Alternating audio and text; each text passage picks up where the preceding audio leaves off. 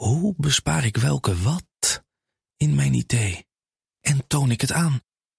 Lenklen, Virtuf Partner. Lenklen, betrokken expertise, gedreven innovaties.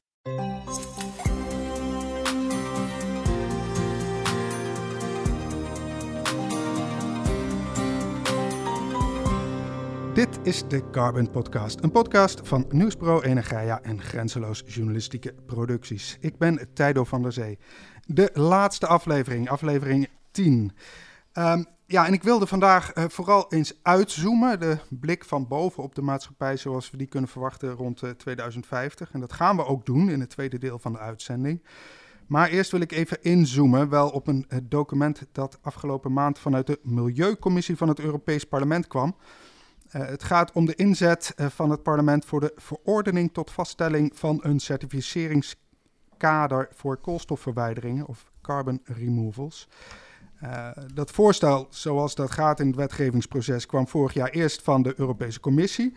En dan gaat dus het Europees Parlement erover nadenken en dan later in samenwerking met de Raad van Ministers iets besluiten. Um, maar toen dat voorstel van de Europese Commissie vorig jaar uitkwam, toen lag dat eigenlijk een beetje ook aan de basis van deze hele, dit hele seizoen over negatieve emissies. Dus uh, we kunnen dit document toch echt even niet uh, laten liggen. Um, vandaag gaan we daar dus over praten en ook uh, in het tweede deel wat meer uitzoomen met Jos Kozijnse, emissiehandelsexpert bij de Climate Neutral Group.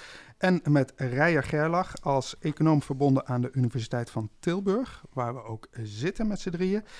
Uh, en we krijgen straks aan het eind van de uitzending natuurlijk ook nog Chris Guth van Engie, uh, met wie we een blik gaan werpen op de CO2-koersen. Uh, maar laten we beginnen, want lezende in alle amendementen die ik voorbij zag komen, kreeg ik het gevoel dat we in een jaar tijd, van het voorstel van de Europese Commissie tot nu, uh, van heel algemeen naar veel preciezer gegaan zijn. Uh, en alsof we ten aanzien van negatieve emissies heel snel volwassen worden. Er straalt ook een zekere zorg uit voor mijn gevoel.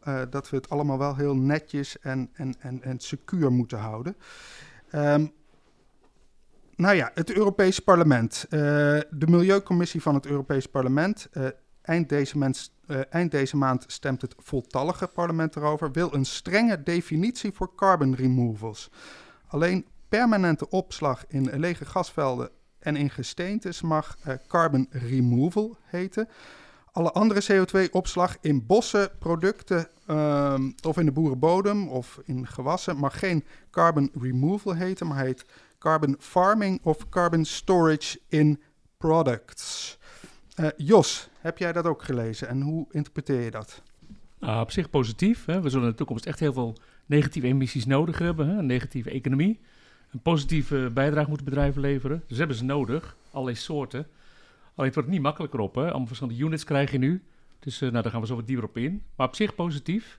Um, ja, misschien moeten ze wel een tussenpartij komen die allerlei type units inkoopt. Mm -hmm. En dan weer doorverkoopt als gelijkwaardig aan de markt. Dat zou een optie kunnen zijn. Maar had ik ben je, redelijk positief. Had je aanzien komen dat deze scheiding dus zo duidelijk zou komen... en ook echt die definitie van carbon removal... dat die alleen voorbehouden zou zijn aan opslag in lege gasvelden en, en, en, en, en in gesteentes? Nou, daar zit ik niet zo mee hoor. Er waren altijd al verschillende uh, opties, verschillende technieken... Mm -hmm. die anders behandeld moeten worden. Dus daar zit ik niet zo mee hoor. Nee. Oké. Okay. Hoe kijk jij daar uh, tegenaan, Rijen? Ik uh, vind het ook fantastisch dat we ermee bezig gaan. Um, ik denk dat we na 2040 echt negatieve emissies nodig hebben om klimaatveranderingen weer ongedaan te maken voor een deel. Mm -hmm. Het gaat echt een grote rol spelen in de toekomst. Hoe eerder we daarmee beginnen, hoe beter. Ik ben zelf ook een groot voorstander van het onderscheid tussen de harde removal ja. en de wat zachtere removal. Het zijn echt heel verschillende types met heel verschillende potentie. En ik denk dat het heel goed is dat we dat meteen bij de start helder stellen. Het, uh, het is niet allemaal hetzelfde. Nee.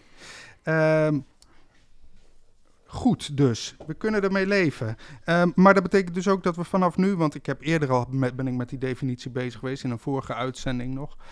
Uh, hebben we vanaf nu eigenlijk een soort van definitie te pakken. Tenminste, als het aan het Europees Parlement ligt. Carbon removals mogen we dus niet meer over spreken als het over de boerenbodem gaat bijvoorbeeld of over bossen.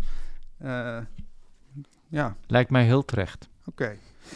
Ehm, even een paar punten langslopen die dus in, in, in het document staan van, ehm, ehm, van het Europees Parlement. Want ondanks dat er dus schotten tussen zitten, zeggen ze wel, al die negatieve emissies, uh, die mogen dus wel meetellen met de nationale uh, National Determined Contributions, hè, dus de nationale doelstellingen.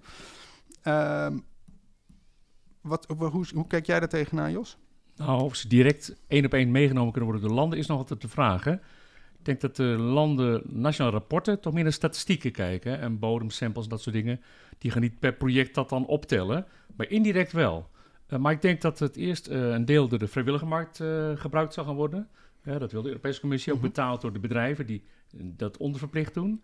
En daarna misschien aan de verplichte markt gekoppeld worden. Dus uiteindelijk helpt het wel de landen mee de doelen halen, maar niet één op één, denk ik nog. Nee, maar, ik, um, maar het is dus wel zo dat je. Er wordt dus onderscheid gemaakt. Kennelijk wordt er een, een, een duidelijk verschil in, nou, ik wil niet zeggen kwaliteit, maar toch, um, je mag het dus wel meetellen. Ja, nee, natuurlijk. Kijk, landen rapporteren hoeveel bos er in een land is. Hè, dat wordt mhm. geteld. Dus hoeveel koolstofvoorraad er in de bodem zit, dat wordt meegeteld. Dus als je meer carbon removals gaat realiseren, of carbon farming, dan uiteindelijk tel je het als land wel mee. Maar ik denk dat het heel goed is dat ze een onderscheid maken tussen, uh, wat Ryan net zei, tussen de langdurige carbon removals, geologische of mineralisatie, of direct air capture. Dat gaat 100 jaar, honderden jaren, blijft dat opgeslagen, kan je automatisch meetellen. Nou, carbon farming, die willen ze eigenlijk ook de CO2-opslag maar ook de reductie van N2O door kunstmestreductie en methaan meenemen.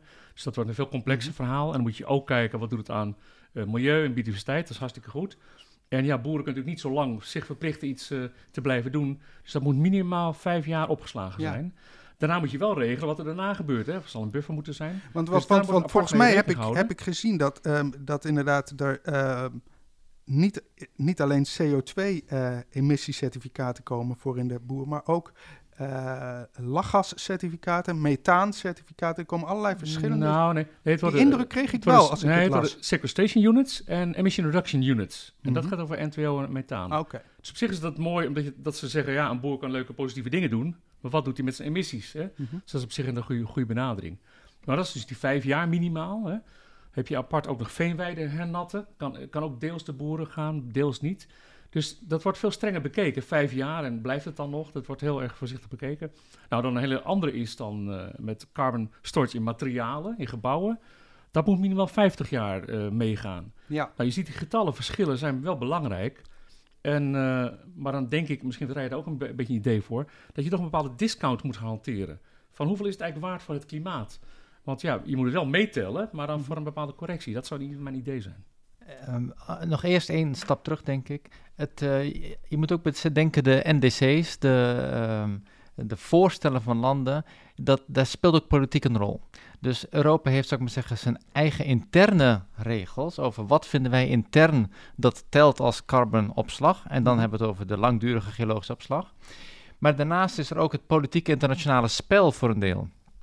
En uh, je zou wel gek zijn als je ook een inspanning levert in je boerenbedrijf en in je internationale onderhandelingen neem je dat niet mee. Dus daar zijn de, de vertegenwoordigde reg de regels intern zijn op een natuurlijke manier anders, want intern wil de EU graag goed klimaatbeleid voeren. En extern internationaal wil de EU ook graag goed onderhandelen. En als je goed onderhandelt, dan moet je soms andere definities gebruiken dan wat je zelf intern, zou ik maar zeggen, de beste oplossing vindt. Dus ik denk dat daar het heel logisch is dat er een scheidslijn zit, dat waar je aan de ene kant zegt, internationale verslaggeving, tellen we alles gewoon op. Mhm. Maar intern zeggen we nee, dat zijn echt verschillende manieren van opslaan. Ik vind dat een heel natuurlijke uitkomst. Oké. Eh, ik had dan wel de indruk dat um, als het aankomt op uh, koppeling aan het Europese emissiehandelssysteem, dat ze ervoor kiezen om alleen de echte carbon removals, zoals ze dan die gedefinieerd hebben als alleen opslag in gasvelden en gesteenten, om die te willen koppelen aan het ETS en de andere niet. En dan had ik zelfs de indruk dat ze zeggen van dan gaan we de andere uh, certificaten gebruiken voor de vrijwillige markt. Nou weet ik dus niet zeker of ik dat goed gelezen heb, maar die indruk kreeg ik wel als ik het document las. Um, Misschien wil erin lezen. Maar zover is het Europese parlement nog helemaal niet hoor. Deze certificering is alleen bedoeld op dit moment voor vrijwillige CO2-markt.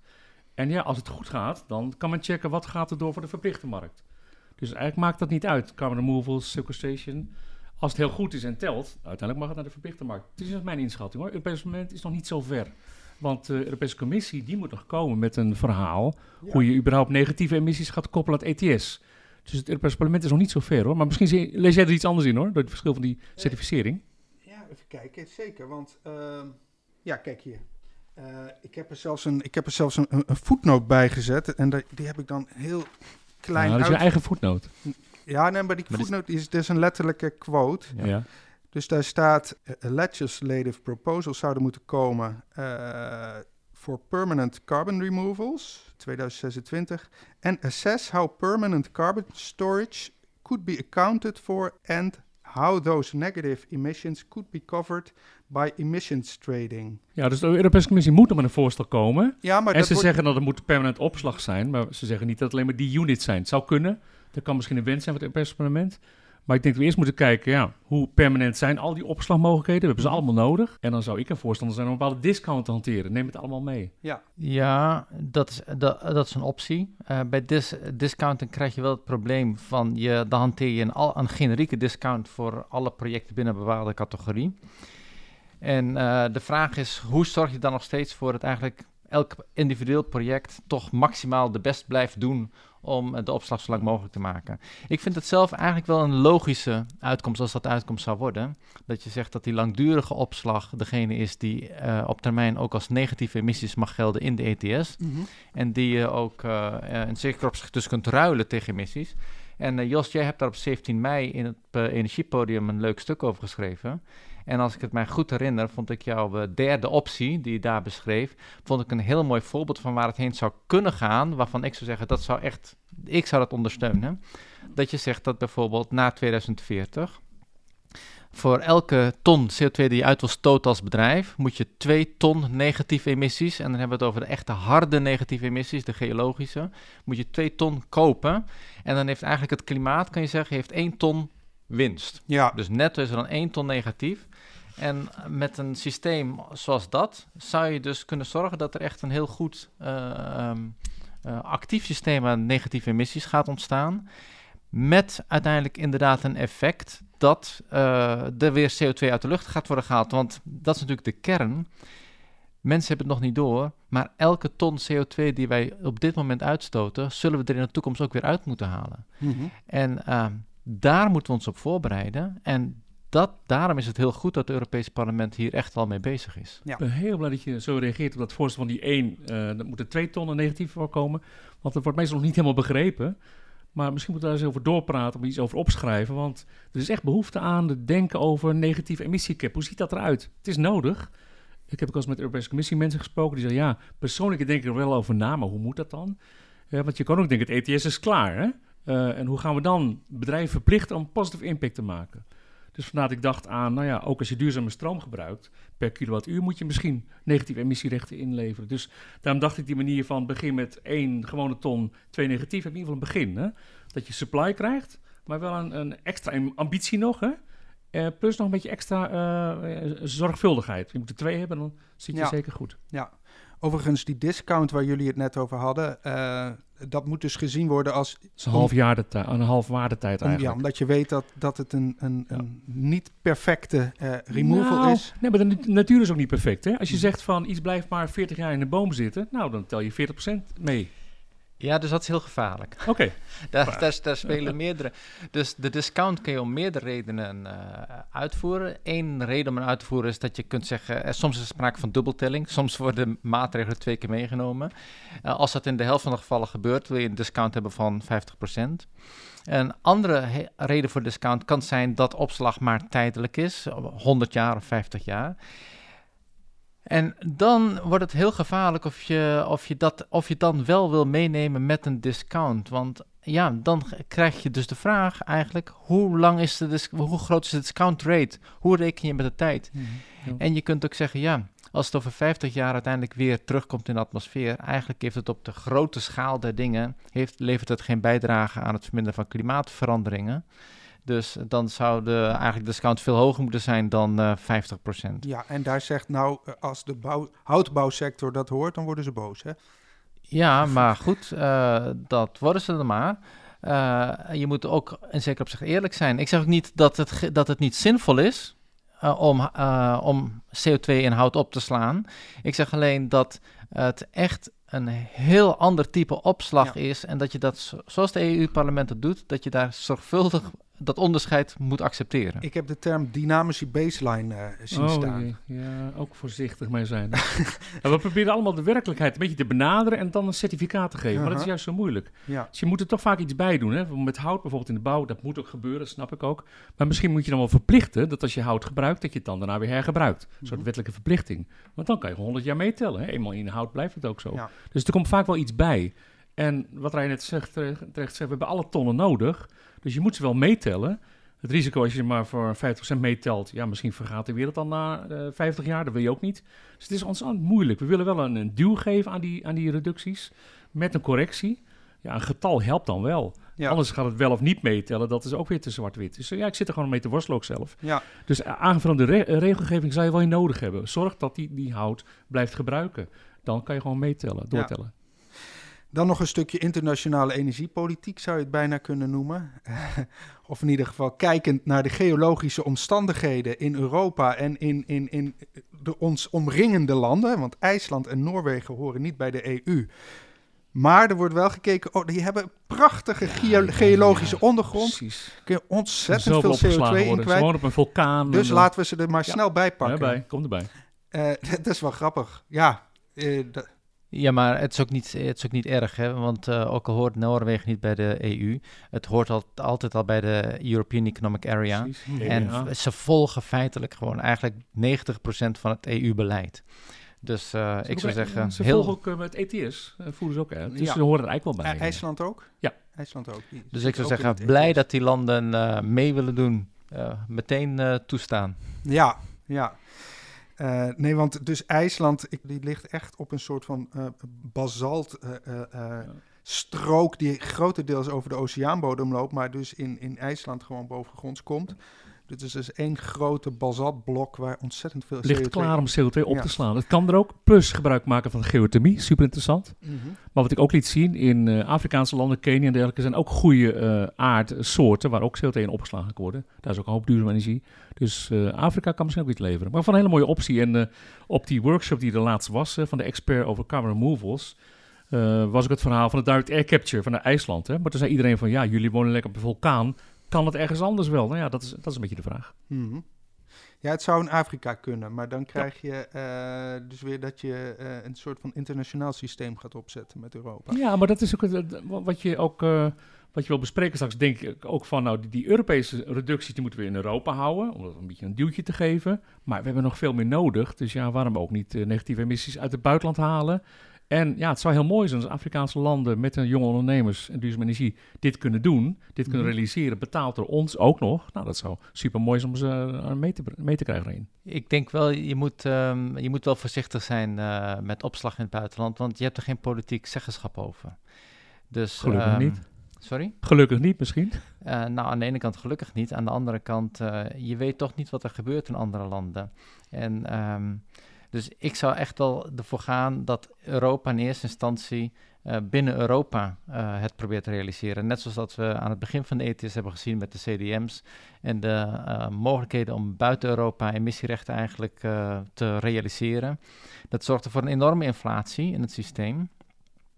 Um, dus ik denk, laten we eerst zorgen dat we binnen Europa de technologie ontwikkelen, de markt ontwikkelen en de dan wordt het ook in andere werelddelen wordt het, uh, makkelijker in zekere opzicht om mee te doen. Dus um, ik denk Europa is een voorloper en is daar heel belangrijk in internationaal. Maar dat kunnen, we, dat, dat, dat kunnen we juist uitbuiten door echt binnen Europa aan de gang te gaan. Wat het gevaar is, is dat bedrijven vaak zeggen van ja, maar we kunnen het goedkoper in het buitenland. Maar dan krijg je zeker op zich krijg je dan ook inflatie binnen het systeem heel snel. Wat er in andere landen gebeurt is ook vaak moeilijker te, uh, uh, te controleren. Dus nogmaals, ik denk, laten we dus eerst binnen Europa de negatieve emissies op gang brengen. Ja, Nou, ik zeg en en. Kijk, Afrikaanse landen zelf, hun eigen plannen stellen dit voor, hè, dat ze hier gebruik van willen maken. Ja, ik vind altijd en en. Hè. We hebben natuurlijk jaren geleden met het Kyoto-protocol dat we zeiden, helft van de reducties hier, helft van de betalen in het buitenland. Clean Nu is het- Development Mechanism was dat. Ja, en nu is het omgedraaid omdat we door de economische crisis toen ook geen CDM-credits meer nodig hadden. Mhm. Plus alle problemen die dat met zich meebracht. En nu is het helemaal omgedraaid. Nu willen we alles in Europa doen. Maar straks hebben we dat eh, in Europa geen emissies meer. We hebben het klimaatprobleem niet geholpen. Dus je moet nu ook met Afrikaanse landen, ook Zuid-Amerikaanse landen, al aan de slag gaan. En dan bedoel ik niet onze, velden, onze velden opruimen. Maar het is gewoon en-en van elkaar leren. Maar wij kunnen ook van Afrikaanse landen leren misschien. Ja, Ik denk dat op het gebied van technologie ehm, Europa echt voorloopt op Afrika. Dus dat als het op leren aankomt, het echt handiger is om het hier te ontwikkelen. En ik ben helemaal mee eens dat we op termijn over de hele wereld nodig is. Hè? Maar eh, nogmaals, ik denk, we kunnen het beste hier die technologie ontwikkelen met onze eigen markt. En dan als de andere landen, zou ik maar zeggen, ook zover zijn, en dat kan echt, daar zitten tientallen jaren tussen, voordat, dus Europa hoopt negatieve emissies te hebben voor 2050. In andere werelddelen verwacht ik dat het nog veel langer duurt. Als zij eraan toe zijn om die politieke stap te nemen, dan hebben wij de kennis voorradig. Zo, zo zie ik het vooral. Laten we dan Afrikaanse landen helpen emissies te reduceren. Dat zeker. Daar zit wel een kans in. ja. Ehm, nou ja, we hebben dus eh, nu dus dit, dit, dit document van het Europees Parlement. Eh, die onderhandelingen die gaan binnenkort dan van start. Eh, maar ondertussen is er dus die grote expert group al een jaar lang aan het vergaderen over dat certificeringsschema. Ja. Jos, jij volgt ze af en toe. Ik heb af en toe een beetje gekeken en ehm, Nou, via, via Partners for Innovation draagt het ook bij aan de voorbereidingen. hè. We moeten Oké. als het ware de methodologie een beetje verzamelen. Welke Mhm. zijn er allemaal al? Men wil graag in de Europese Unie van de eh vrijwillige markt leren en het dan beter doen. hè. Want je net zei, Rijer, van het is ook politiek, willen het graag beter en anders doen. Dus wij helpen ze te leren van wat is er nu al? Eh, wat regelt die in permanentie, aan buffers, aan dat, ze- en hoe je opslag meet en dat soort dingen. Ja, en daar zijn nu een aantal workshops over geweest. De laatste was eh, een paar weken geleden. En ja, er zitten gewoon 70 experts, maar ook Ja. heel veel politieke ideeën, voor's en tegens. Wat is beter? hmm. Echt een strijd, wie is het beste? Hè? En dat vraagt de Europese Commissie ook aan het eind van die dag. Zei, nou, nou, we willen graag aan jullie vragen. Welke willen jullie, willen jullie dat we nou als eerste certificeren? Een Ja. soort eh, race to the bottom of race to the ik weet niet. ja. Ik denk zelf dat de commissie toch een beetje voelt van, mm, dit is best behoorlijk ingewikkeld. Ze laten het toch een beetje lopen. Ik denk dat het niet eh, wordt gered voor de, voor de verkiezingen om dit al klaar te hebben. Nee, maar ik heb wel de indruk dat het Europees Parlement nu met dit voorstel... Want er, er zitten een aantal hele concrete dingen en er zit Ja. al rekenmethodiek zit er al in. Eh, er, zit, eh, er zit dus een keuze in welke wel, welke niet, de schotten. Ehm, en in zekere zin denk ik, nou, eh, hebben ze een beetje misschien wel gedacht, en dat weet ik niet zeker, want misschien is dit gewoon de taak geweest van het Europees Parlement, maar dat ze toch al een beetje zoiets hebben van, nou, volgens mij schiet dat niet op daar bij die experts. Ja, zou best kunnen. Ja, ik vind het eh, leuk dat op het gebied van eh, milieubeleid uh, de Europese parlement vaak uh, echt goed degelijk inhoudelijk en toch best wel op redelijk grote lijnen uh, bediscussieert. Um, terwijl je soms hè, in, bij het uh, Nederlands parlement denk je soms het is bijna micromanagement mm -hmm. wat je ziet gebeuren. Um, op het gebied van milieu denk ik Europa, het Europese parlement, maar ook de Europese Commissie hoor, doet het echt fantastisch. Ja, dus we houden, een beetje, we houden een beetje van Europa. je, je, je Wat klimaat betreft. Oh ja, oh, ik dacht heel even dat je Wopke Hoek, Hoekstra nadeed, maar... Uh... Oh nee, misschien deed hij mij na. nou ja, die is toch lekker bezig. Uh, ja, hij hield van het ETS, had hij gezegd. Oké, oké. Okay. Uh, daar gaan we het straks misschien over hebben. Maar, de, maar dan gaan we even terug naar Nederland. Want ja. Jos, op LinkedIn had jij een bijdrage geplaatst over een paragraaf uit de Nederlandse klimaatnota van 2023. Nou, die is heel recent. Daarin staat eigenlijk één paragraaf opgenomen over negatieve emissies. En wat jij daaruit oppikte, was dat uh, de pa passage waarin het kabinet zegt dat het beleid voor negatieve emissies gen generiek uitgewerkt uh, moet worden. Uh, en dan kijken we naar wat het Europees Parlement nou zegt. En ik wil niet zeggen dat, dat ze niet zeggen dat beleid niet generiek uitgewerkt moet worden, maar ze zetten wel heel duidelijk schotten neer.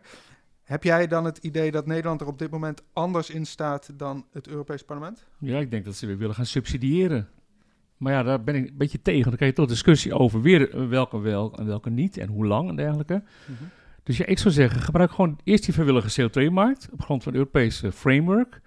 Geen subsidie, hè. dat zegt Zweden bijvoorbeeld ook, hè, die met, ook uh, met BEX bezig is. Dat ze zeggen, nou, we geven... Zweden, is Zweden? Zweden, ja, Zweedse... Oh, oh, Zweden, ja. Zweden, het land Zweden, met, uh, met Ørsted. Die wil met een afvalcentrale CO2, CO2 opslaan. En dan, dat wordt een deel gesubsidieerd. Maar als je credits aan de vrijwillige markt kan verkopen, dan vervalt die subsidie. Dus um, ja, het Europese framework. Eerst met de vrijwillige markt, want dan kost het ook de belastingbetaler geen geld, denk ik. En dan wat er overblijft aan wat goed genoeg is, koppelen aan de ETS. Dus ja, uh, generiek, hmm, dan denk ik weer een beetje, er wordt discussie over subsidie. En dat heb ik zelf liever niet. Nee. Ben ik mee eens. Ik denk de subsidies uh, is een terugkomend gevaar. De Nederlandse politiek wil graag subsidies uitgeven. Dat zien we in heel veel contexten. En um, eigenlijk, het is moeilijk om tegen een subsidie te zijn. Mm -hmm. uh, want ja, een subsidie is toch altijd goed voor een bedrijf of een, uh, een huishouden die het krijgt. Maar subsidie is gewoon publiek geld. Het is heel kostbaar. Een subsidie kan je niet aan iets anders uitgeven. En um, ik zie hier nog niet per se de reden voor in deze context. Nee. Geen dus je, terecht las je het Europese stuk van mensen. Er is iets in Europa gebeurd, maak daar gebruik van. Dus dat had jij goed naar, uh, voet naar voren gebracht net. Ja, goed. We hebben Europa nou een heel klein beetje gehad, het document. Dan gaan we een beetje uitzoomen. Um, toch nog één keer over die schotten, Jos. Want um, jij uh, gebruikt de term fungibility uh, vaak. En um, dat is eigenlijk een best wel een lastige term. Maar dat betekent uh, inwisselbaarheid. Um, en, ja, een ton is een ton. Een ton is een ton. Ja. Kan je nog heel even een beetje uitleggen wat je ermee bedoelt? Nou, dat ik het liefst wil dat alle opslag die er wordt gerealiseerd... gebruikt wordt om de verplichte doelen te halen hè, van landen... Uh, of via het ETS, dat is minimaal de helft al van de emissiereductiedoelen. Dus dat vind ik het belangrijkste. En dan heb je toch iets uh, nodig wat door iedereen makkelijk te gebruiken is. Een ton is een ton. En daarom zei ik al, misschien moet er een club tussenin zitten. Misschien de Europese Investeringsbank of uh, de Europese Commissie, wat dan ook. Die dan als het ware verschillende pools van negatieve emissies inkoopt of financiert. Hè? Mm-hmm. En het dan weer vertaalt, uitgeeft aan emissierechten. Ja. Zo kan je het voor compliance gebruiken. Dus dan, ja, ik streef altijd naar fungibility.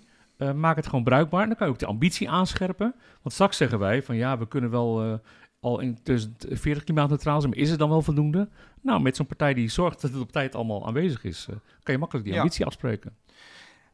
En toen wij het voorgesprek hadden, toen zei je zelf op een gegeven moment, nou, ik, ben, ik hoor misschien dan tot een rekkelijke. En toen dacht ik, zou het zo kunnen zijn dat rijden dan tot de precieze hoort? Ik denk dat ik inderdaad meer bij de precieze hoor. Um, uh, economen houden graag van één prijs, gelijk speelveld, efficiëntie. In het geval van CO2-opslag denk ik, nou, een ton is niet altijd uh, hetzelfde als een andere ton. Een ton in een boom is echt anders dan een ton opgeslagen in een, uh, on, in een geologische laag. Want in, die in de geologische laag, daarvan hoop je dat hij er 100.000 jaar blijft uh, zitten.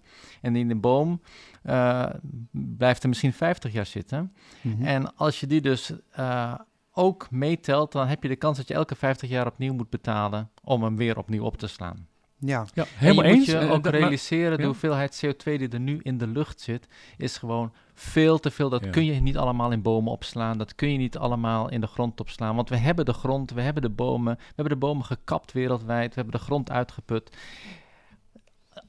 Het is niet we hebben dus die geologische opslag nodig. Want we hebben gewoon olie opgepompt en stekel uit de grond gehaald. En gas uit de grond gehaald. En het moet weer terug. Ja.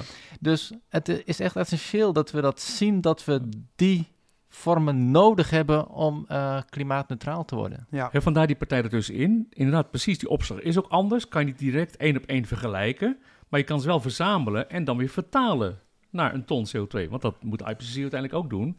Dus zo'n tussenpartij die kan wel zorgen dat de reducties fungible worden gebruikt later. Maar ja. niet direct één op één. Dat vind ik aan het riskant. Ja. Want dan krijg je discussie over welke bedrijven gaan waar in investeren. Om welke doelen doen ze dat dan. Dus dat vind ik ook riskant. Dus je moet het fungible maken. Het is niet meteen fungible. Nee. Dus ik ben wel flexibel, maar ook wel binnen, binnen grenzen. Ja, er stond toch wel een grappige uh, passage waar, waarvan misschien meteen een soort van angst werd uitgesproken. Er stond die CO2, uh, het mag nooit, uh, het mag nooit gebruikt worden om. Voor greenwashing. nee. Oh. om um, hoe heet Minder het? te En, enhanced production van, um, van de koolwaterstoffen. Dus je kan soms CO2 zoals, in een put olie, stoppen. meer om olie meer olie op te pompen. En als je dat met groene Ja. CO2 doet, eh, dan zou je kunnen zeggen, oeh, ik doe aan bekkers of zo. Maar dat mag echt niet. Dat is wel Ja, en het leuke is, dat, dat kan natuurlijk. Als je in Europa eh, eh, CO2 in de grond zou stoppen om meer olie uit- eruit te halen... en die olie verkoop je vervolgens in het buitenland waar de CO2 eh, wordt uitgestoten... dan heb je binnen ons systeem negatieve emissies... Ja. en wereldwijd natuurlijk zeer positieve emissies. Ja. Dus het is een heel terechte zorg. Ja, ja je, zou bijna, je zou eigenlijk vermoeden dat dat sowieso out of the question was. Maar kennelijk moet het nog even opgeschreven worden. Ja, je moet expliciet afspreken dat je Ja. niet je opslag van CO2 weer gaat gebruiken om olie uit de grond te Nee. halen. Want daar wordt het in Amerika tot nog toe voor gebruikt. En daar ben je natuurlijk al vanaf. Opslag mooi, maar zorg dan dat het er binnen blijft en niet dat het extra olie eruit gooit Ja. weer. Ehm, een recente polemiek, daar gaan we even naartoe. Ik noem het maar even zo. Waarom ook niet?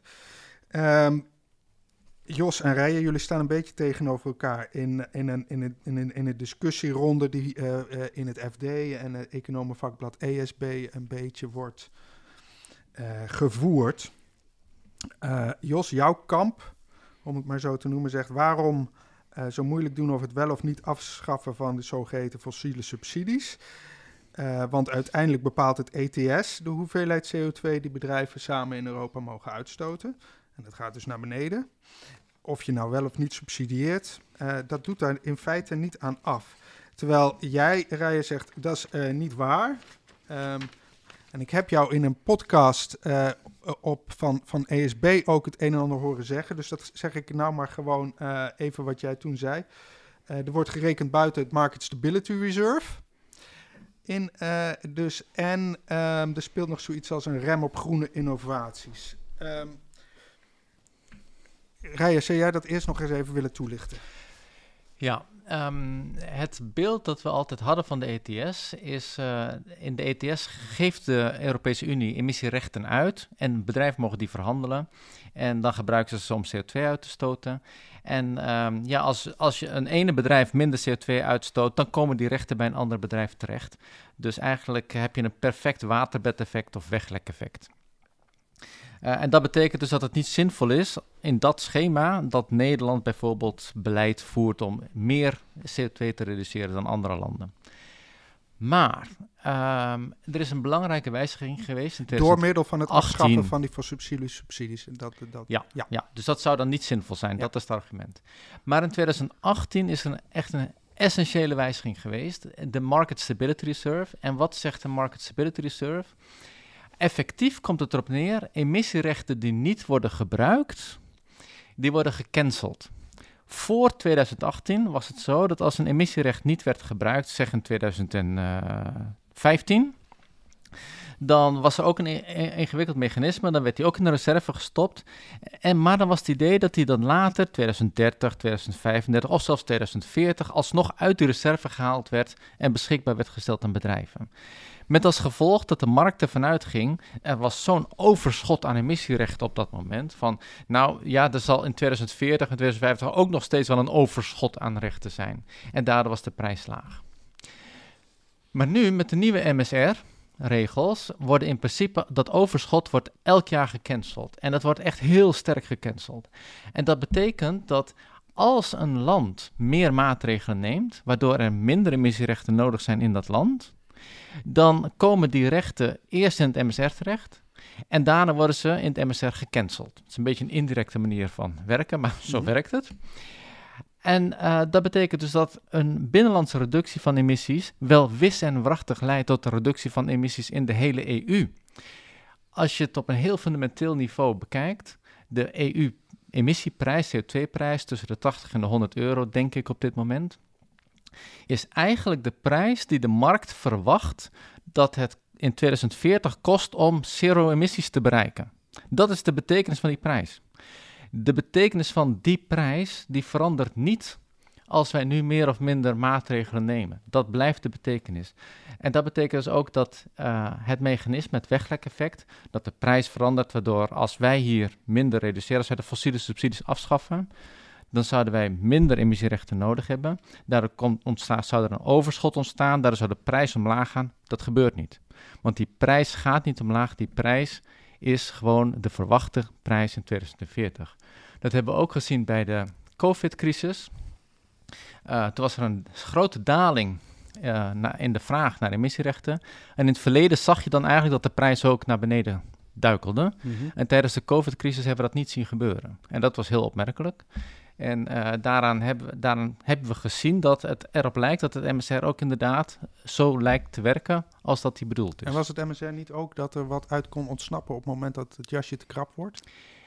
Ja, maar dat is dus eigenlijk. Uh, ja, maar dat is dus maar een heel beperkt deel. Dus inderdaad, op het moment dat er uh, eigenlijk nog maar weinig reserve in de, in de markt zelf zit, dan is er de mogelijkheid dat uit de MSR weer rechten terug worden gebracht in de markt. Maar de hoeveelheid rechten die de MSR beschikbaar heeft om dat te doen, die neemt heel sterk af in de loop der tijd. Okay. Dat argument uh, Jos. Uh, ik vind het prachtig zoveel kennis te horen over het ETS. Want dat is, dat is het belangrijkste punt van dat ik zo polemisch hierom soms om ben. Er is vaak te weinig kennis van het ETS. Dus ik ben heel blij dat dat steeds meer wordt. Um, ja, um, kan er een paar dingen over zeggen. Ik vind het belangrijk dat in deze discussie, het is polemisch, om, het doet er ook echt toe. Hè? Het gaat mhm. over het klimaatprobleem, dat is heel belangrijk.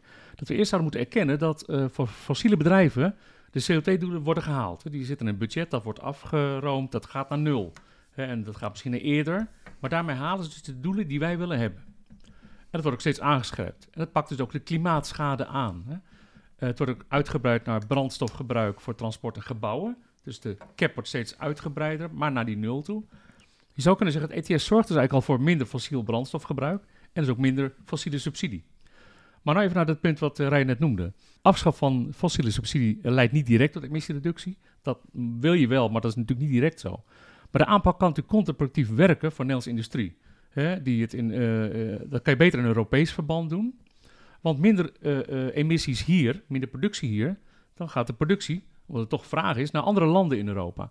Nou, en ook al kan je dan in Nederland zeggen, we gaan een paar miljoen ton cancelen van Europese ruimte die we nodig hadden. Dan kan het dus toch zijn dat later de marktreserve niet al die cancellations meeneemt, omdat er in andere landen gewoon meer emissies zijn, dus meer emissierechten nodig zijn.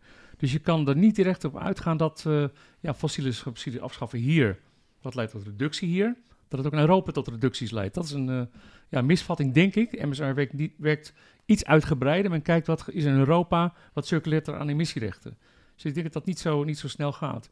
Ik vind het dus wel belangrijk om het Europese niveau te doen. Dus daarom, uh, Wopke doet dat ook in Europa nu, dat is hartstikke fijn. Maak een Europees uh, afbouwplan. Want ik vind het gewoon echt goed en prima om subsidies af te bouwen. Hè, maar, maar doe het slim. En ik denk dat het best veel tijd kost. Dus ik ben blij dat we die ETS-cap hebben voor die nul, voor die 10.000 bedrijven die eronder vallen. Eh, dat dat in ieder geval doorloopt. Dus subsidie afschaffen, gewoon prima. Ben ik sowieso tegen subsidies eigenlijk. Maar uh, rek je niet te rijk en, en, en doe het op een slimme manier. Ja, uh, het is natuurlijk best wel heel moeilijk geweest, alleen al in Nederland, om te bepalen wat wel en wat geen fossiele subsidies waren. En elke land heeft zijn eigen beleid. En, en, en, en um, gaat dat lukken om dat een beetje harmonieus op te pakken als Europa? Ja, moet wel. Maar je moet dus kijken wat is wel vergelijkbaar en we moeten het harmoniseren. Dus sowieso moeten lidstaten kijken, uh, die getallen die we nu hebben voor Nederland, nou, die wil ik van andere landen zien. Mm-hmm. En dan kijken welke hebben tot effect dat je meer emissies hebt, welke hebben tot effect dat de verduurzaming tegen wordt gehouden. Nou, die op Europees niveau aanpakken, daar is niks mis mee, denk ik. Dan, dan heb je gewoon een wat groter effect. Ja. Kijk, we doen, het ook, we doen het ook in de G20-verband, uh, Wereldbank kijkt ernaar, dus we willen juist met z'n allen aanpakken. Misschien verschillen ze, maar er zijn ook uh, overeenkomsten. Die kan je al aanpakken, denk ik. Ja, maar ik ben het toch fundamenteel niet mee eens dat we het alleen binnen Europees niveau moeten doen. Um, Nederland heeft eigen verantwoordelijkheid. En ik denk toch het eerste punt is belangrijk. Hè? Van uh, de het beschrijvende vraag. Denken we dat emissiereducties binnen Nederland effectief mogelijk is? En wij, hè, de groep economen die het oorspronkelijke stuk heeft geschreven, die zeggen ja, dat is wel wisselwachtig mogelijk. Want zo werkt de MSR. Het verdwijnen van bedrijven naar buitenland komt uit berekening, wordt altijd um, voorgedaan dat dat uh, gaat gebeuren, maar de empirie suggereert dat dat veel minder gebeurt dan uh, wat wordt gezegd door de bedrijven zelf. Het is een soort van dreigmiddel. In, in de praktijk uh, verdwijnen er niet veel bedrijven naar het buitenland. Dus je kunt gewoon in Nederland beleid voeren. Dus de eerste vraag is, kan het? Wij denken, ja, het kan. De tweede vraag is, wil je het? En dan zeggen wij, ja, je wil het. Want Nederland heeft een historisch hoge verantwoordelijkheid. We hebben dankzij ons Gronings gas hebben we altijd ingezet op gewoon veel uh, energie, hoog energiegebruik, veel energie-intensieve sectoren. Nederland is een van de rijkste landen van Europa. Dus ook daar kun je zeggen, we hebben de sterkste schouders. We hebben alle redenen om te zeggen, Nederland is bereid om meer inspanning te leveren. Nederland hoeft niet in de middenmoot te zitten. Nederland kan aan de front lopen van Europese inspanningen. Dus wij zeggen, ja, Nederland hoeft niet te wachten totdat alle andere landen hun fossiele subsidies afschaffen. Mhm. Nederland kan gewoon zelf een begin maken daarmee. Ja, ja maar twee dingen zijn toch echt onjuist. Uh, we zeggen niet dat bedrijven verhuizen, de productie verhuist. Hè? Want er is nog wel vraag aan producten. Dus die verhuizen en daar verhuizen de emissies. Nou, het tweede wat ik net vertelde, die MSR die is wat complexer. Die zegt niet van nou, Nederland zijn er minder emissies, dus uh, hoeven we minder emissierechten te veilen volgend jaar. Nee, want de rest van Europa heeft maar meer emissies nodig omdat er meer groei van de productie is. Dus dat werkt niet één op één, helaas. Nee, maar dat eerste punt, of nou een bedrijf verhuist of dat een, uh, uh, een fabriek verhuist, uh, daar verschillen we dus over mening. Ja, uit de, uit producten de empirie, zijn nodig, productie verhuist. Nee, ja, maar je kunt producten maken met meer of minder CO2 uit de empirie komt gewoon dat als je strengere maatregelen hebt, bedrijven niet massaal naar het buitenland vertrekken. De meeste bedrijven gaan gewoon hun productie groener maken. En tot die tijd gaat de productie ondertussen wel naar het buitenland. Dus nee, dat komt uh, niet uit de data. Nou, dat, uh, dan wil ik toch nog even naar het tweede punt rijden wat jij maakte toen in de podcast over groene innovaties. Uh, zoiets van en dat is dus dat tweede punt. Wat je dus ziet, is dat als je strenge milieumaatregelen hebt, dan gaan bedrijven die gaan innoveren om te voldoen aan de strengere eisen. Ze gaan niet al hun fabrieken verplaatsen. Nee, ze gaan kijken hoe kunnen we het oplossen met de nieuwe strenge regels. Dan ontstaan er, dat zien we in de data, ontstaan er allemaal groene innovaties. En we zien ook in de data dat die groene innovaties worden gebruikt daarna in het buitenland. Dus het mooie is. En is dat geld dan dat je bespaart op die subsidies, dat je dat daarvoor moet gebruiken? Of? Dat hoeft niet. Nee. nee. Liever de bedrijven, subsidie? Bedrijven doen dat in principe uit zichzelf. Nee, maar daar ben ik een beetje eens hoor. Dus voor de verduurzaming zou het wel kunnen helpen. Als je meer investeert in Nederland, dat is logisch. Alleen dat kost even tijd. En voor de CO2 hoef je het niet per se te doen, maar wel voor een duurzamer Nederland. Dus uh, daar zijn we het eens met elkaar. Um, laat ik daar op het laatste maar ja op zeggen. ja, afgelopen maand was er, uh, waren er uh, ook in het parlement discussies over, uh, over het belastingplan, waarbij tuinders, had het ministerie van Financiën gedacht, we gaan, we gaan een deel van de energiebelasting bij tuinders, gaan wij, daar hadden ze een korting, die gaan we afschaffen. En eigenlijk in geen week tijd ja. is het volkomen omgedraaid, um, waarbij niemand de doekjes omwond dat dat door de lobby van de glastuinbouw uh, kwam. Uh, de partijen aan de rechterzijde en uh, de partijen aan de linkerzijde stonden behoorlijk tegenover elkaar. Maar het gevolg is wel dat een, een, een, voorstel, een eerste voorstel voor het afschaffen van die fossiele, fossiele subsidies, kan dus binnen een week de nek om worden gedraaid. Dus het is niet ja. Het is niet makkelijk, maar dat is dus inderdaad een terugkerend thema wat je ziet in de, in de economie. In de economie heet dat, is de term rents. Ik weet niet hoe je dat in het Nederlands moet vertalen. Maar rents gaat dus eigenlijk over de waarde die bedrijven ontlenen aan bepaalde rechten of uh, aan bepaalde regels, zoals bijvoorbeeld subsidies. En uh, uh, het gaat om miljarden euro's. Mm. Dus bedrijven die die miljarden euro's krijgen, die hebben er alle reden voor om dat te behouden. Je ziet het ook, uh, je ziet het ook in, bij, in het algemeen bij handels, uh, uh, handelsregels. In heel veel ontwikkelingslanden, arme landen, zijn er beperkingen op handel. En die worden in stand gehouden omdat bepaalde bedrijven daar voordeel uit hebben. Want zij hebben bepaalde rechten die andere bedrijven er niet hebben. Daardoor kunnen zij met meer winst handel drijven. En je ziet dat zij die winst gebruiken om te lobbyen bij de overheid. Uh, om die regels die slecht zijn voor de economie in stand te houden. Ja. En eigenlijk geldt wereldwijd hoe meer er dat soort regels zijn die bepaalde bedrijven beschermen, hoe slechter het gaat met het land. Dus er is een algemene waarschuwing. Uh, als je toe gaat geven aan het beschermen van belangen van bedrijven, is dat slecht voor de economie. Ja, ja mooi punt. Nou, en het, die glastuinbouw is een hele rare sector, een bijzondere sector. Hè? Specifiek Nederlands. Dus vaak snapt het in Europa ook niet hoe het is. Hè? Een deel van de glastuinders valt zelfs onder het ETS, emissiehandelssysteem, de grote jongens, zou ik maar zeggen. Terwijl ze op zich heel veel goede duurzame dingen kunnen doen. Hè? CO2-hergebruik, uh, energie-neutrale uh, kassen, verticale kassen. Maar ja, ondertussen gebruiken ze toch een hoop gas. Daar wil je eigenlijk van af. En dan wil je niet die subsidie opgeven. En we hebben ook een discussie eigenlijk van, willen we al die bloemen wel? Willen we al die tomaten wel? En dat, een, dat wordt een heel spannend uh, thema de komende tijd. Wat meer industriepolitiek. Van welke industrie willen we eigenlijk in Nederland? En ja, in eerste instantie wil je het liever niet. Maar ja, we zullen er toch op een gegeven moment naartoe moeten. Dat je kijkt, waar zijn we nou goed in, in, in, in ja, als Nederland? En daar moeten we een goede discussie over voeren. Dat is ingewikkeld, hè? Ik vond het ook moeilijk toen het ging over die gasprijs die omhoog ging. Toen zeiden we van nou, of, of gastekort. Welke sector hebben we dan niet meer nodig? Ja, ik vond het best wel pijnlijk, maar daar zullen we toch naartoe moeten. Het is een hele moeilijke discussie. Je moet er misschien niet met één sector beginnen, maar dat geeft dan aan dat dat, uh, ja, het doet het toe. Alleen je moet iets en je kan niet blijven, blijven steunen. Dat is een, ja, en uh, daarop aanhakend, kijk, Nederland heeft doelstellingen voor 2025 en 2030. En het is een ijzeren realiteit. Als je sommige sectoren uitsluit van het meedoen aan de doelstellingen, dan maak je het voor andere sectoren extra zwaar om de mhm. doelstellingen te behalen. Ja. Dus je kunt niet de kool en de geit sparen. Nee. Mooie woordspeling. Want die kool en de geit, daar kunnen we een hoop doen. Ja, maar die kool die groeit gewoon op de koude grond. Oh, Daar heb je geen kassen voor nodig. Rijer, uh, jij bent gespot op de A12. Um, dan ben je dus officieel een A12-professor of een uh, Extinction Rebellion lid in Toga. Um, vertel, waarom ben jij daar naartoe gegaan? Ik denk dat het misschien, als ik heel eerlijk ben, toch een vorm van uh, frustratie is. Ik uh, ben 30 jaar wetenschapper, 30 jaar heb ik me bezig gehouden met klimaat en economie. En eigenlijk ben ik tot de conclusie gekomen dat het niet zo ingewikkeld is om uh, klimaatneutraal te worden. Het kost veel minder dan wat je altijd leest. De, de verhalen over werkloosheid zijn allemaal toch zwaar overdreven. Dus als wetenschapper heb ik daaraan bijgedragen. Ik ben lid geweest van de IPCC, ik heb het netjes opgeschreven. En dan zie je, en bij de IPCC in 2014 gebeurde dat heel expliciet, dan zie je, zie je dat politici het niet willen horen. En uh, in, in, 2014 werd namelijk uh, door een groep landen werd een deel van mijn rapport gewoon tegengehouden.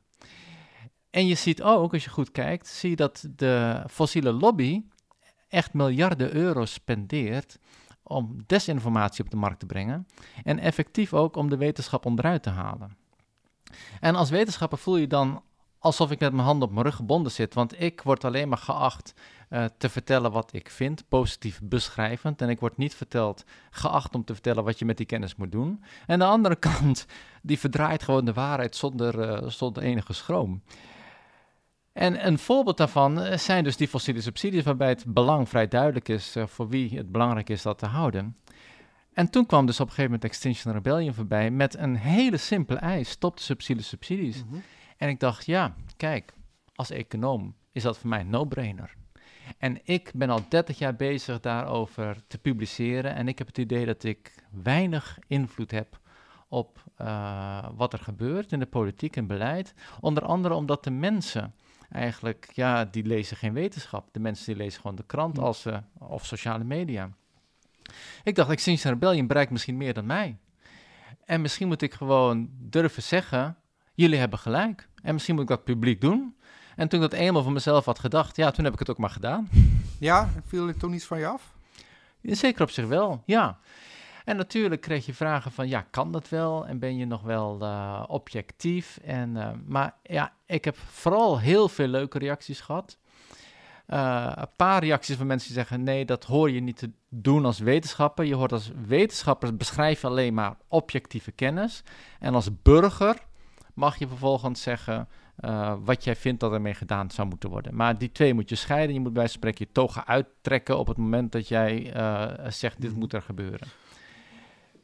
Uh, maar de andere kant is dat heel veel mensen hebben gezegd: Nou, het is eigenlijk wel heel fijn om gewoon te weten dat, waar je staat. En ook te horen hoe je ermee omgaat, dat je wel objectief wil blijven. Mm want ik mhm. vind als burger iets, maar dat betekent even goed mijn wetenschap moet ik gewoon objectief houden.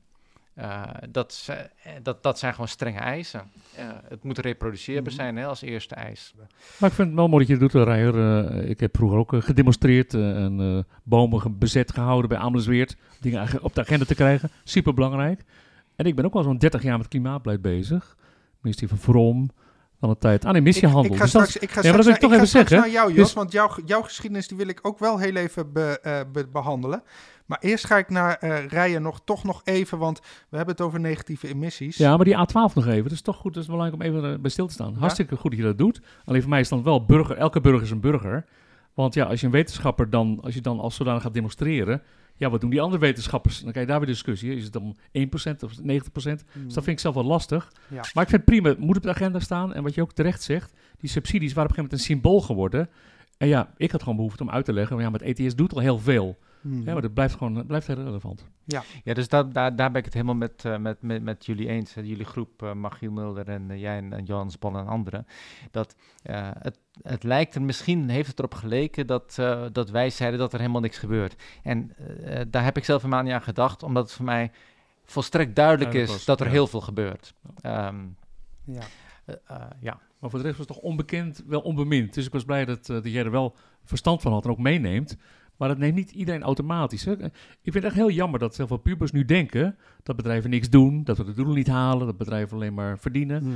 Ja, dat is ook niet helemaal waar. Dus ja, ah, misschien hou ik iets veel van nuance af en toe en is er voor sommigen geen tijd meer voor nuance. Dus ja, dat is, dat is de tijd waar we nu in ja. leven nu helemaal. Um, ja, of je houdt gewoon heel erg van het ETS. Ja.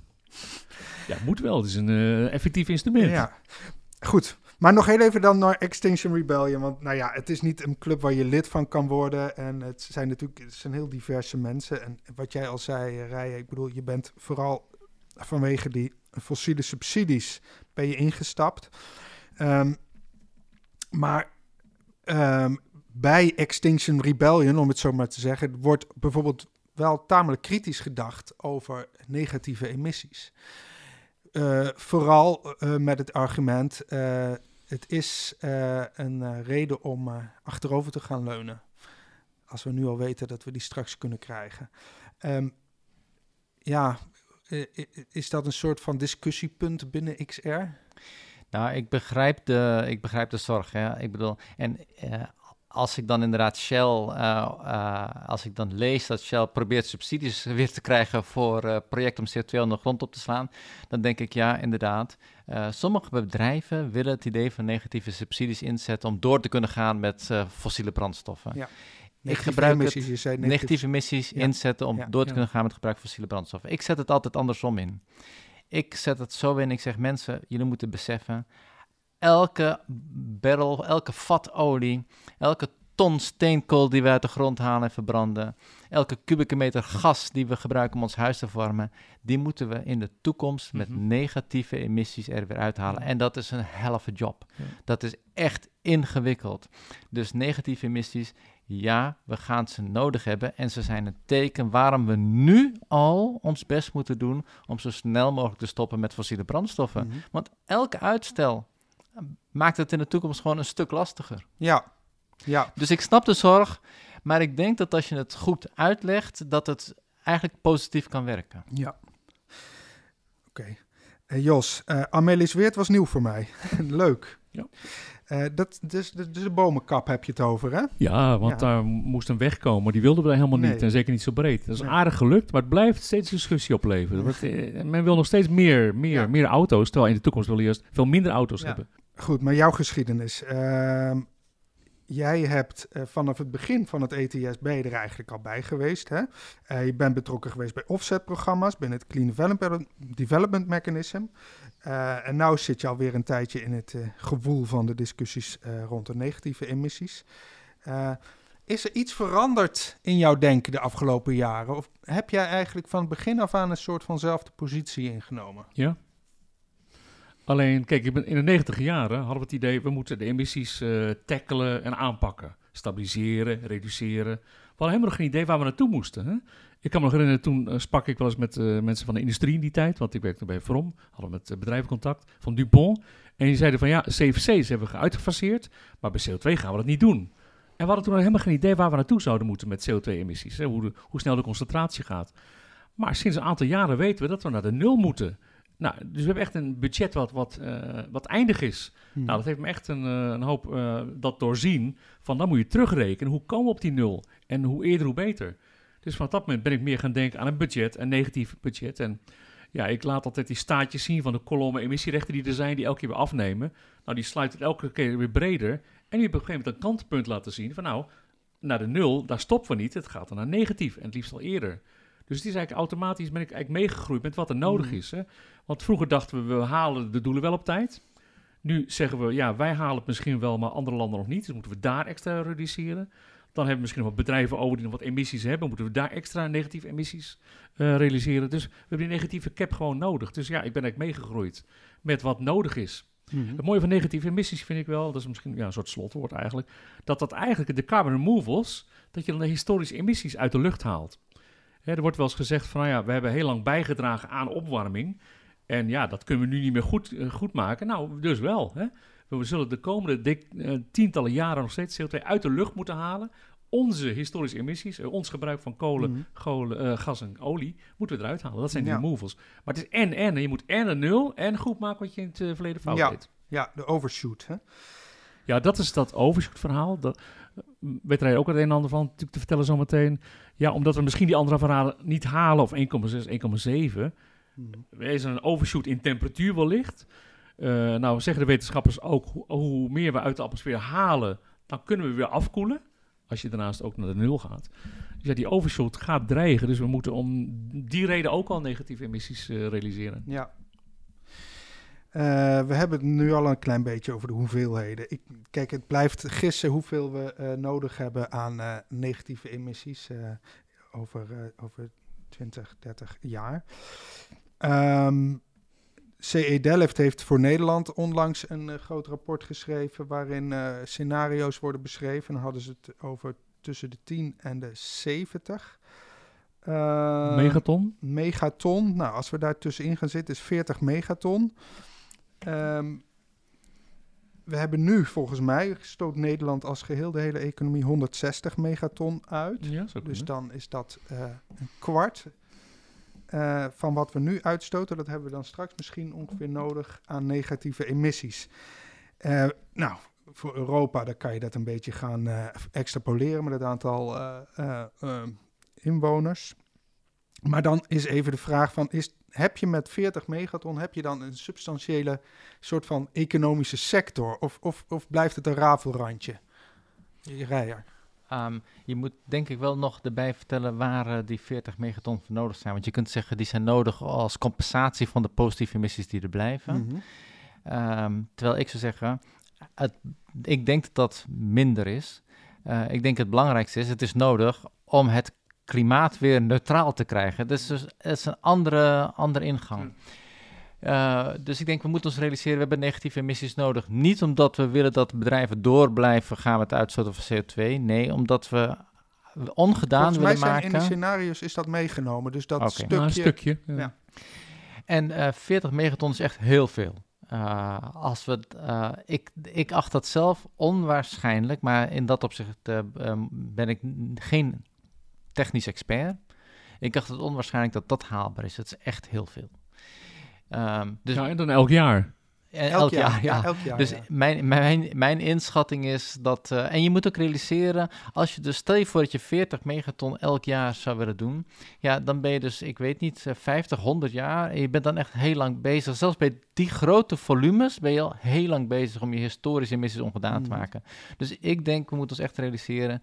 We zouden nog wel eens eh 100 jaar bezig kunnen zijn straks met CO2 uit de lucht halen. Want in zeker opzicht is het terugbrengen is altijd moeilijker dan het in de lucht brengen. In de lucht brengen is gewoon een 20 kwestie van... bio-energiecentrales misschien. 20 energie bio- bio-energiecentrales in Nederland. Met, in Europa. Ja, maar die moeten met wel dus- biobijstook. Die moeten dus 20. allemaal dus inderdaad dan met bomen eh, eh, en uh, gewassen gestookt, ja, gestookt worden. Dus goed, mijn inschatting is dat heel veel gevraagd veel, is.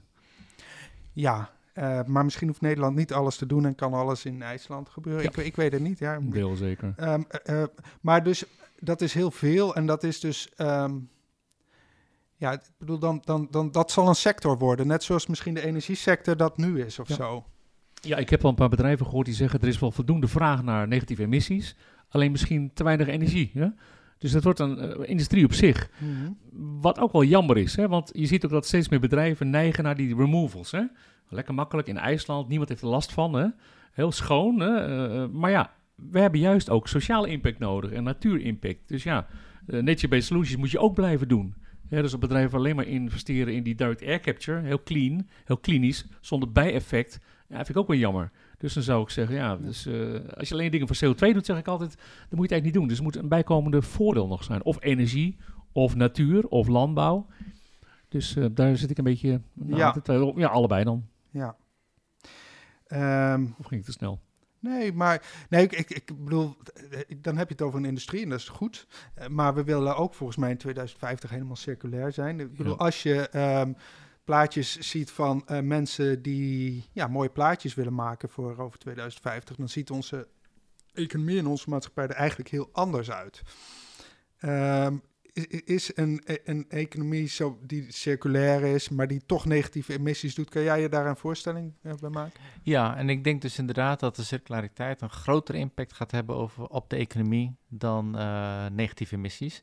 In zekere opzicht is de, het klimaatverhaal is echt een energiegerelateerde eh, probleem die we op kunnen lossen met meer windmolens, weer zonnecellen, meer opslag, wat bioverbranding met dan ondergrondse opslag. Maar het is, een, het is een afgezonderde sector eigenlijk. Die kan zijn eigen ding doen. Terwijl eh, circulariteit is echt iets wat de hele economie eh, zal raken. Het gaat om alle producten die je koopt. Die zullen anders moeten worden gedesigned, zodat ze eh, weer netjes uit elkaar gehaald kunnen worden. Ehm, dat geeft een veel grotere verandering van onze economie eh, Mhm. eh, teweeg. En in alle eerlijkheid, niemand weet hoe dat eruit moet gaan zien. En ehm, daarom denk ik ook dat we daar echt moeten gaan beginnen. Hmm. Eh, gewoon om een beeld te krijgen. Ja, maar dan is iedereen blij en dan zoomen de bijtjes weer en dan Ja. weer overal bloemetjes groeien. En dat is dus wel perfect. Heb je weer allemaal insecten op je auto? Ja, Eh, ja, behalve dat eh er nog natuurlijk al dat gif wat in het milieu zit, dat zit er eh, voor heel lang. ja. Ehm, Nee, want kijk, eh, eh, het anderhalve graad opwarming, dat was een soort van, ehm, een soort van ehm, daar, daar moesten we naar streven. Twee graden hebben we dan afgesproken. Daar zijn dan CO2-doelen aangekoppeld. Ehm, nou, het, er komen natuurlijk keer op keer nu berichten binnen van dat gaan we allemaal helemaal niet halen. Ehm, en dan wil ik dus niet zeggen, moet je de handdoek in de ring gooien. Maar kan het zijn dat je op een gegeven moment zegt van ja, ehm, er zijn andere doelen die misschien wel minstens net zo belangrijk zijn. Eh, bijvoorbeeld biodiversiteit en natuur. Eh, en dat we misschien eh, straks over een jaar of tien of zo, als, als, als, als al die wetenschappelijke inzichten binnenkomen, dat het lastig wordt om dat te halen. Dat je ehm, ja, misschien die doelen gaat aanpassen, wat meer gaat combineren met, met biodiversiteitsdoelen of misschien met wat meer adaptatie. Of ik, ik, ik, zeg maar wat, maar dat het toch weer heel anders gaat worden. Ja, dat weet ik natuurlijk niet. Wat ik altijd zeg, klimaatdoelen halen draag je bij aan allerlei andere doelen. Maar ja, hoe mooi zou het zijn als je en werkt aan de circulaire economie en meer nature-based solutions, dat je dan ook je klimaatdoelen haalt. Dat zou nog veel mooier zijn, want dan ben je in ieder geval goed bezig met eh, je leven, je welzijn en haal je de klimaatdoelen ook. Want als je alleen maar focust op die CO2-doelen, gaat het het andere dan nog wel goed. Nou, die luxe hebben we nu niet meer. We moeten echt die nul halen in 2050 of eerder. Dus vanuit die negatieve emissies. Maar mooier zou zijn dat je ook aan een mooiere economie en maatschappij werkt. En dan eigenlijk haast vanzelf je CO2-doelen haalt. Zo praat ik ook eens over die CO2-projecten die wij doen. Hè. Dan, dan gaat het om de CO2-removals. Bijvoorbeeld mangrovenherstel, ik noem maar wat. Hè. En dan zeggen we vaak, we hebben een hoop biodiversiteitsbijeffecten, sociale impact, eh, krabben, vissen komen er allemaal. Maar dan zeg ik vaak, het moet altijd die bijkomende effecten hebben, want anders blijft het project niet in stand. Heeft de lokale bevolking er niks van. Dan zeg ik vaak van misschien in de toekomst is CO2 wel een bijkomstige voordeel. Maar het gaat ook om een, eh, ja, een goede maatschappij neerzetten. Mhm, ja. En dan eigenlijk vanzelf eh, de CO2-doelen halen. Ja. Dat is dromen. Ja, ik denk uh, je moet ze allebei apart uh, in het vizier blijven houden. Uh, maar ik, dus ik hoop dat het in de toekomst inderdaad dat CO2 een mooie bijvangst, dat we dat probleem hebben opgelost en dat het een mooie bijvangst wordt. Hm. Um, Ik ben even kwijt waar je nou eigenlijk mee begon, want toen, daar, daar had ik nog wel een reactie op. Uh, ik begon ermee dat de, de doelen van anderhalve en twee graad eigenlijk af Die zijn niet haalbaar. raken. Ja. Da kijk, dat was destijds toen ik bij het IPCC zat, vond ik het dat al opmerkelijk. Wetenschappers die voorzien, uh, het IPCC werkt met scenario's. En uh, dan was er telkens de druk dat we een scenario moesten produceren waarin het doel nog haalbaar was. Terwijl alle wetenschappers aan tafel weten dat het technisch haalbaar is, maar politiek niet. En um, dat de kans dat, dat het gaat gebeuren minder dan 0,01% is. Dus er is een overshoot, dat weten we al lang. Die gaat eraan komen. En de vraag is een beetje, hoe gaan we daarmee om? En uh, wetenschappers hebben lang gezegd, nou, je moet mensen hoop blijven geven, want op het moment dat je ze de hoop ontneemt, dan doen ze niks meer.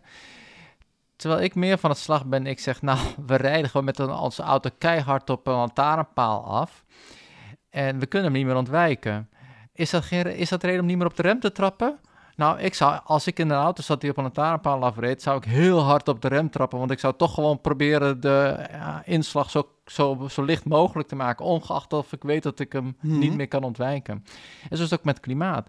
Er komt echt, er komen klimaatveranderingen aan die heel onprettig gaan worden, als ik het eh, vriendelijk uitdruk. Ehm, en nog steeds moeten we heel hard ons best doen, want de keuze is tussen eh, onprettige klimaatveranderingen en verschrikkelijke klimaatveranderingen. Dus we kunnen maar beter de verschrikkelijke veranderingen voorkomen. Ja, dat betekent dus meer internationale actie, hè? Want we kunnen wel die nul eerder in Nederland proberen te halen van Europa, maar dat is niet genoeg. Je moet echt internationaal veel meer actie hebben. Ja. En daar kunnen we in steunen, dat moet ook echt. Ja. Want als je zegt van, eh, we gaan die lantaarnpaal, we remmen niet, nou, zie ik de demonstraties alweer komen van aan de slag, we moeten meer doen. Maar ja, we gaan al naar de nul, weet je wel.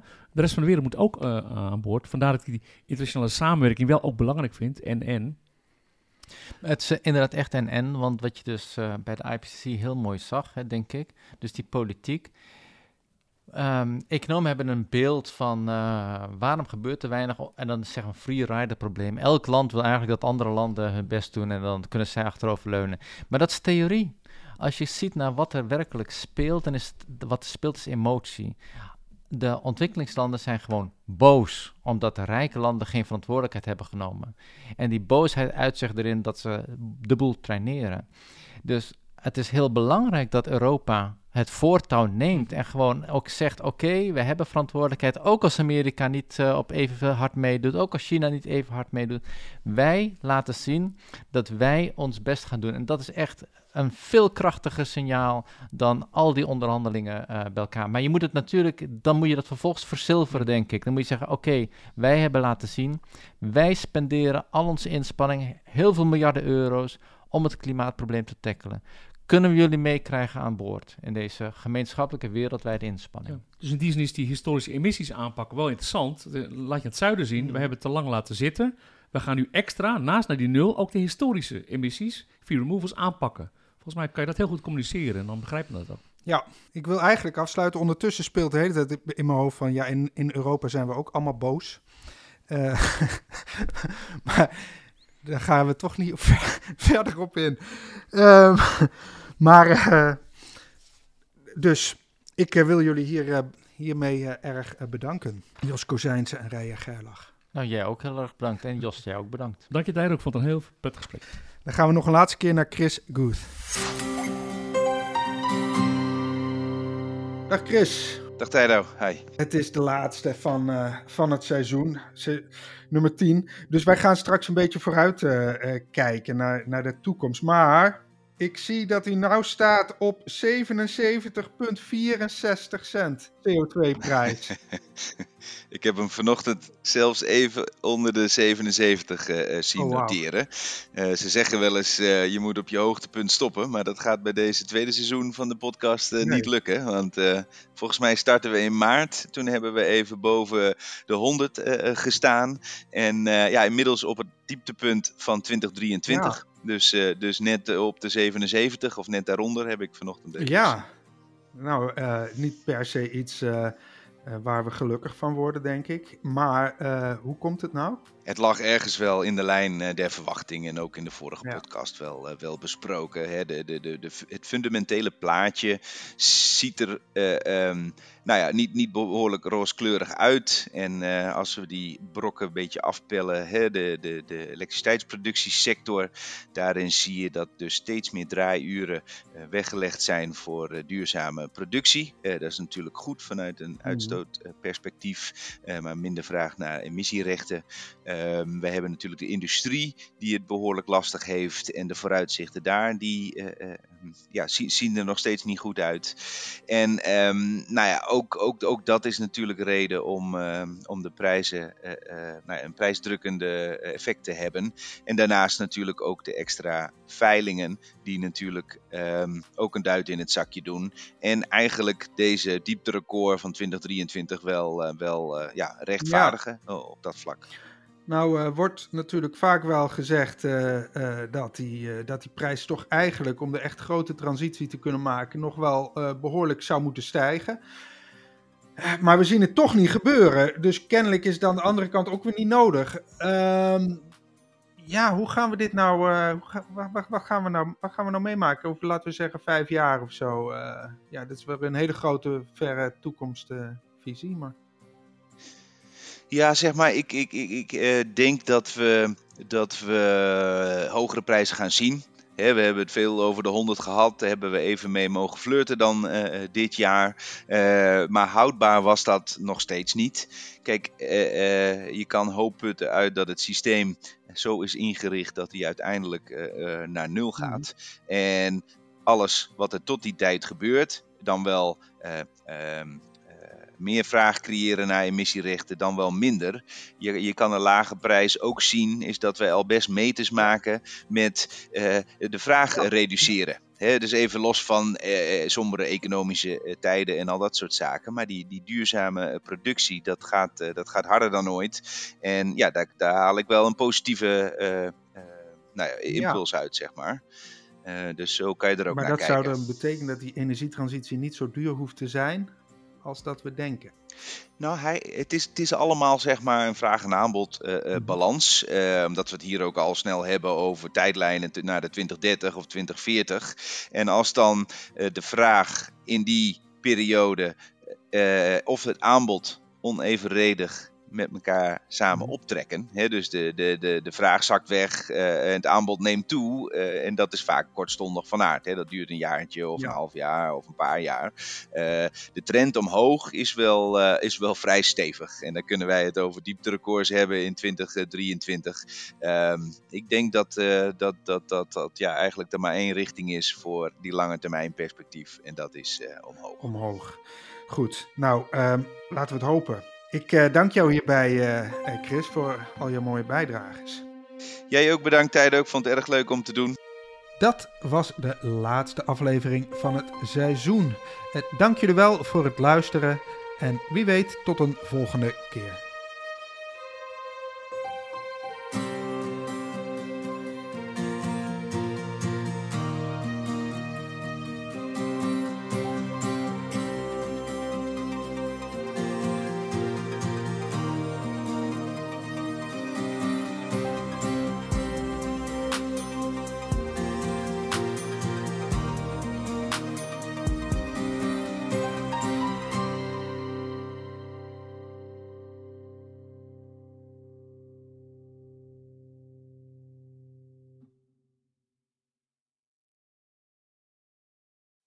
Bespaar ik welke wat in mijn idee en toon ik het aan? Lenklen, Virtuf Partner. Lenklen, betrokken expertise, gedreven innovaties.